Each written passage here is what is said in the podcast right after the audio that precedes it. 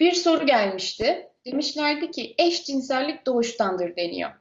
Evet. Bu bütün LGBT bireyleri için geçerli midir? Direkt bu soru üzerinden almayalım da şu eşcinsellik meselesinin hani doğuştan olup olmadığına, fizyolojik kısımlarına, biyolojik kısımlarına şöyle bir tartışalım. Bu belki bu kısım diğer sorulardan daha uzun olabilir ama önemli bir haftadayız bu konuda ve bence bunu konuşmak ve sık sık da hatırlatmak gerekiyor diye düşünüyorum. Eşcinsellik konusunda duyduğunuz yargıların hiçbirisine inanmayın çünkü ne olduğunu kimse bilmiyor. Bir, bunu koyayım. Bilimsel olarak bir insan, bir, bir araştırmacı, bir işte bir fizyolog, bir nörofizyolog, bir ürolog, bir, bir, bir başka birisi diyorsa ki eşcinsellik şöyledir, çözülmüştür. Bilin ki o konuyla ilgili bir taraftan konuşuyordur. Yani ya e, işte e, savunan taraftan ya karşı olan taraftan.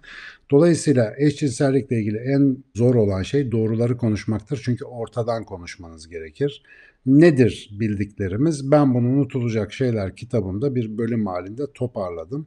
Çok özetle bazı eşcinsellik vakalarının doğuştan gelen bir takım beyinsel farklılıklarla ilintili olduğuna dair bazı bulgular var. Şimdi buradaki her kelime önemli. Bazı tür eşcinsellik vakalarının doğuştan gelen şeylere bağlı olabileceği vılı vılı tarzında bir sürü ifade var. Dick Swab'ın Anne Karnından Mezara Be- işte Beynimiz Neyse Oyuz diye bir kitabı var. Çevrildi Türkçe'ye. From Worms to Alzheimer's kitabı. O kitapta bakarsanız mesela kendisi bu konuda iyi çalışmalar toplamış birisi. Türkiye'de ne zaman bu arkadaşı ben bu konuda referans versem hemen küçük bir kesim böyle bir ayaklanıyor. Diyor ki o hep diyor işte eşcinselleri bilmem ne yapmış falan filan. Ya arkadaşlar Dick Swab sadece kendi yaptığı çalışmaları değil başka çalışmaları da güzel derlemiş. Ki bu konuda yeni yeni bir sürü review çıkıyor. Ben de göz ucuyla takip etmeye çalışıyorum. Net olarak bildiğimiz, bilebileceğimiz, nöroloji uzmanı olmasak da görebileceğimiz bir şey var. Buraya dikkat edin lütfen. Eşcinsellik dediğiniz şey bulut gibi çeşitli bir şey. Çok fazla versiyonu var. Ve bir insan isterse ben bugün farklı bir cinsel ilişki biçimini benimseyebilirim. Bunda hiçbir engel yok. Yani tamamen deneysel takılabilirim hayatımda. Bu yani bilişsel olarak bir insanın tercih edebileceği, deneyebileceği, hatta ondan sonra alışkanlık edinebileceği bir şey. İlla beyninde bir farklılık olması gerekmiyor. Ha bazı toplumlar bunu suç sayıyor, bazıları saymıyor. O artık kanunun işi, o biyolojiden çıkmış bir konu. Yani bu iş doğru mudur, yanlış mıdır vesaire. Eşcinsellik bugün tıbben bir hastalık olarak kabul edilmiyor artık. Şeyden çıktı 1987'den beri bu DSM'den bilmem neden çıkarıldı ve eşcinsellik bir farklı davranış durumu, farklı bir cinsel yönelim olarak ki işte bir sürü altı ve LGBT artı daha başka harfler de var orada. İşte lezbiyen, gay, biseksüel, transseksüel e, gibi gibi daha benim henüz hepsini ezberleyemediğim bir sürü şeyleri var, e, versiyonları var. Şimdi bunların tamamı nedir? Erkek ve kadın arasındaki normal cinsel arzu, çekim ve ilişki cinsine benzemeyen davranışlar gösteren insanlar. 1500'den fazla hayvan türünde geçenlerde e, Evrim Ağacı bununla ilgili tekrar bir makale yayınladı. 1500'den fazla hayvan türünde birebir belgelenmiş, çok sık görülen bir davranış biçimi. Tabiatı iyi bilen insanlar şunu bilirler ki tabiat genellikle bizim sınıflandırmalarımıza uygun davranmaya direnir. Yani onun umurunda değildir bizim sınıflandırmalarımız. Biz erkek dişi böyle güzel anlaşılır metodik bir ayrımı seviyoruz ama belki tabiatın çok umurunda değildir bu ayrım. Baskın olarak e, eşeyli üremede erkek ve dişiyle evet işte çoğalmamız gerçekleşiyor. Bütün eşeyli üreyen canlılar böyle. Fakat ekstra böyle bir davranış var ise biyolojide yani görüyorsanız insanlarda ve diğer canlılarda. Bu doğuştan mıdır, suç mudur, hastalık mıdır diye sormadan önce evrimsel bakış açısıyla biz ne yaparız? Ya bu niye var acaba? Yani bunun bir faydası olabilir mi? Bu niye korunmaktadır?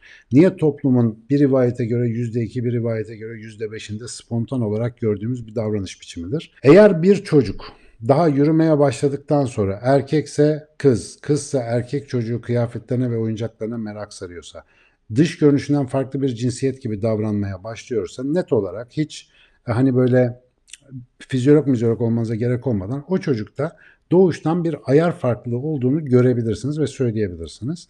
Etrafımızda gördüğümüz eşcinsel davranış gösteren birçok insanda hayat hikayelerinde böyle bir şey var. Şimdi bu insanlarda açık ki yani doğumdan gelen isterseniz aile ortamı deyin, isterseniz bir şey deyin ne olursa olsun Bir farklılık var. Ve bu farklılık hayvanlar aleminde de birçok vakada görülüyorsa eğer hemen aklımıza şöyle insaflıca bir soru gelmeli. Yani bunun biyolojik bir karşılığı var mı?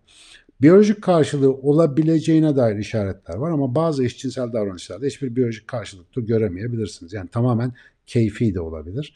Mesela bonobolar bir e, şempanzelere benzer bir primat türü. Cüce şempanze de deniyor bunlara. Bonobolar tamamen keyif için eşcinsel davranış sergiliyorlar. Yani orada eşcinsellik, daha doğrusu cinsel ilişki biçiminde davranışlar göstermek, onlar da tokalaşmak gibi. Mesela kavgaları böyle yatıştırıyorlar. Yani orada hiç böyle sen erkeksin ben dişiyim falan filan gibi bir ayrım çoğu zaman yok. Üreyecekleri zaman yine erkek dişi takılıp ürüyorlar. Ama eşcinsel davranış mesela çok fazla görülüyor. Şempanzelere bakıyorsunuz onlarda daha az. Yani çok daha az ama şempanzelerde de görülüyor. Demek ki İnsan dışı türlerde de bu iş sırf keyif için, sosyallik için, bilmem ne için bir şey için yapılıyor. Şimdi ben bunu böyle anlatınca bunu normalleştiriyormuşum gibi davranıyor bazı arkadaşlar.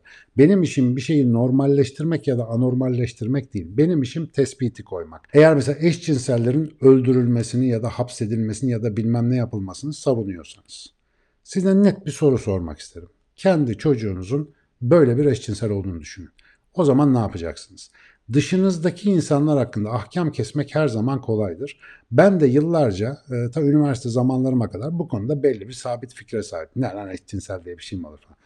Bir laf var ya kadından da feminist mi olurmuş lan falan diye böyle garip laflar işte öyle büyüyen çocuklardan birisin. Sonra mesela benim eşcinsel arkadaşlarım da oldu. Onlarla konuştum. Onların da dünyalarını tanıma fırsatım oldu. Yani bazılarını sevmedim. Yani mesela bence ahl gayri ahlaki buldum davranışlarını.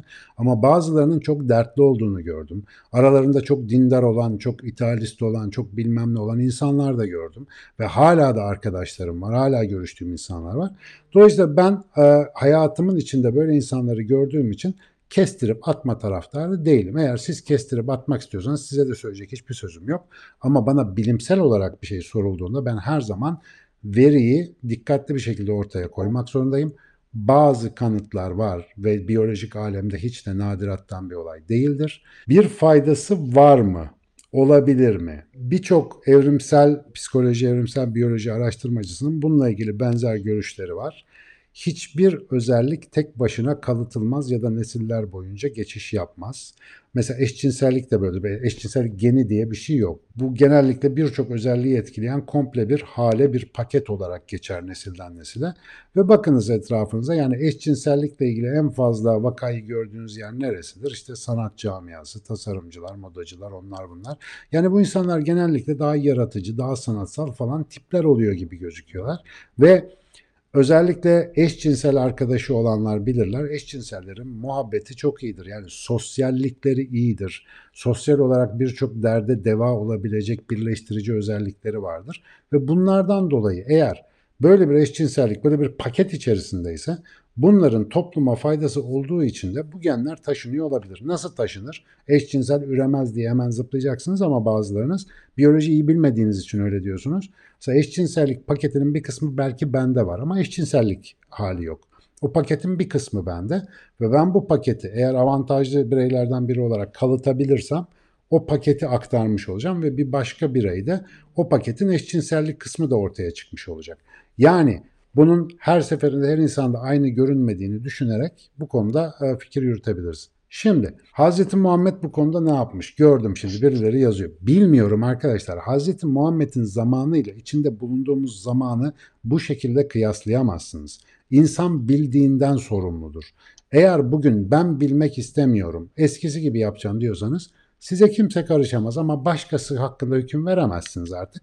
Kendiniz yaparsınız ne yaparsınız ama toplum hakkında bir hüküm verecekseniz, bir başka insan hakkında bir şey söyleyecekseniz akıl ve bilimle düşünmek zorundasınız. Yani bu devirde e, başka yapamazsınız. Olmaz. Ayıp olur. Döverler adamı. Hiç tavsiye etmiyorum.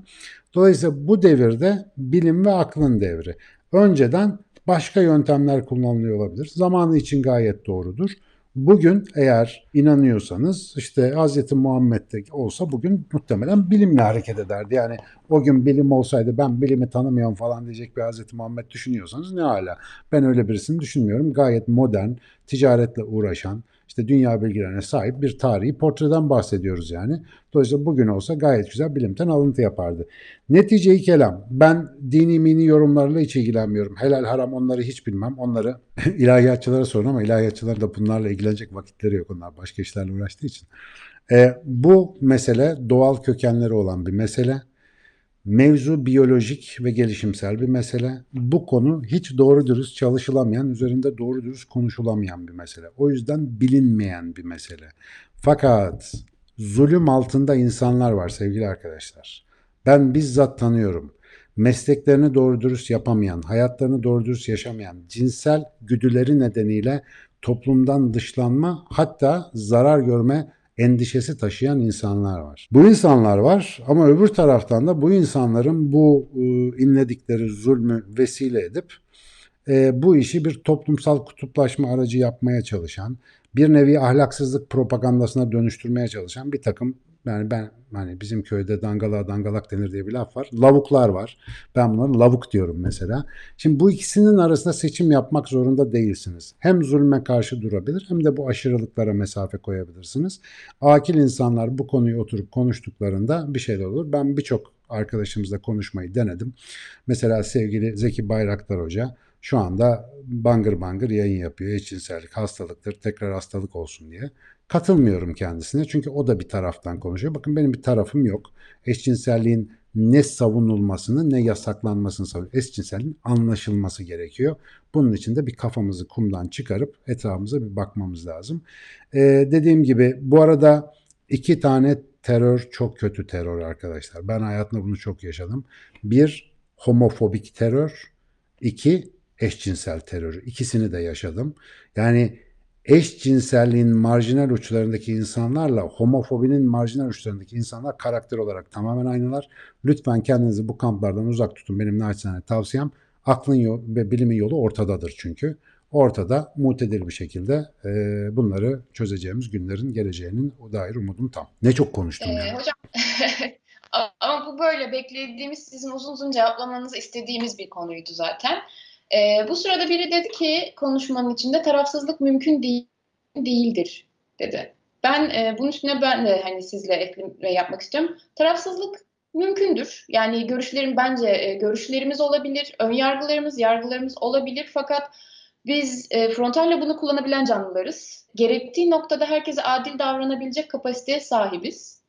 Sadece adil olmakla ilgili bir mesele olduğunu düşünüyorum bunun. Farklı olanı kabul etmekle alakalı ve bizim de farklı olabileceğimizi kabul etmekle alakalı.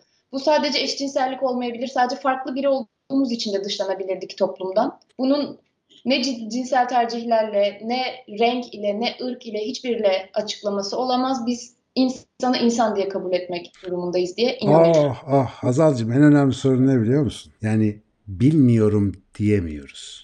Ya ben bu konuyla ilgili bir şey bilmiyorum diyemiyoruz. Ya mesela bir insan bana böyle atıp tutuyor. Ya daha çok yakınlarda oldu. Eşcinsel konusunda atıp tutuyor. Ya dedim senin hiç eşcinsel arkadaşın var mı? Ya konu o değil bir kere. Ya konu nasıl o değil kardeşim? Bir kere bile görmemişsin böyle bir insanı. Ama bilmiyorum demek bizi o kadar korkutuyor ki. İşte bilmiyorum diyebilirsin. Bak ben karşınızda bir sinir bilim profesörü olarak hem de bu konuyu kitabına yazmış adam olarak nasıl başladım sorun cevabına? Bilmiyoruz sevgili arkadaşlar, bilmiyoruz. Ve biliyorum zanneden insanın yaptığı zulümden 10 bin senedir bu dünya inliyor. 10 bin senedir aynı haltı yiyoruz. Yani bilmiyorum, fikrim yok, daha işte insanlık olarak bunu bilmiyoruz demeye utandığımız için başka insanlara utanılacak şeyler yapıyoruz. O yüzden şu bilmiyorum kültürünü bir yerleştirelim. Ben bir nörofizyoloji profesörü olarak eşcinselliğin mekanizmasını bilmiyorum. Bilen varsa da alnını karışlarım. Yok yeryüzünde. Bunun ne olduğunu bilen yok. Eğer bir şey olduğunu bildiğini iddia ediyorsa yalan söylüyor. Ondan uzak durun. Size tek söyleyeceğim şey bu. İşte bu yalanlardan uzak durduğunuz takdirde de tarafsız kalmanız gayet mümkün. Çünkü taraf genellikle yalanın, herhangi bir yalanın tarafıdır. Gerçek her zaman araftadır, her zaman belirsizdir, her zaman değişime açıktır. Dolayısıyla gerçek kimsenin de tek elinde değil. Bu mesele özelinde ben tekrar tekrar hiçbir şekilde ahlaken bir yargı ortaya koymadan yani bu müspettir, menfidir, iyidir, kötüdür demeden. Çünkü bunlar benim işim değil. Kendimce görüşlerim var. Onlar sadece beni bağlar. Bu meselede bir insan bile zulüm görse dünyadaki herkesin ayaklanması gerektiğini düşünüyorum. Eğer bu zulme karşı ayaklanma durumu yoksa boş konuşuyoruz. Başka hiçbir şey değil yani.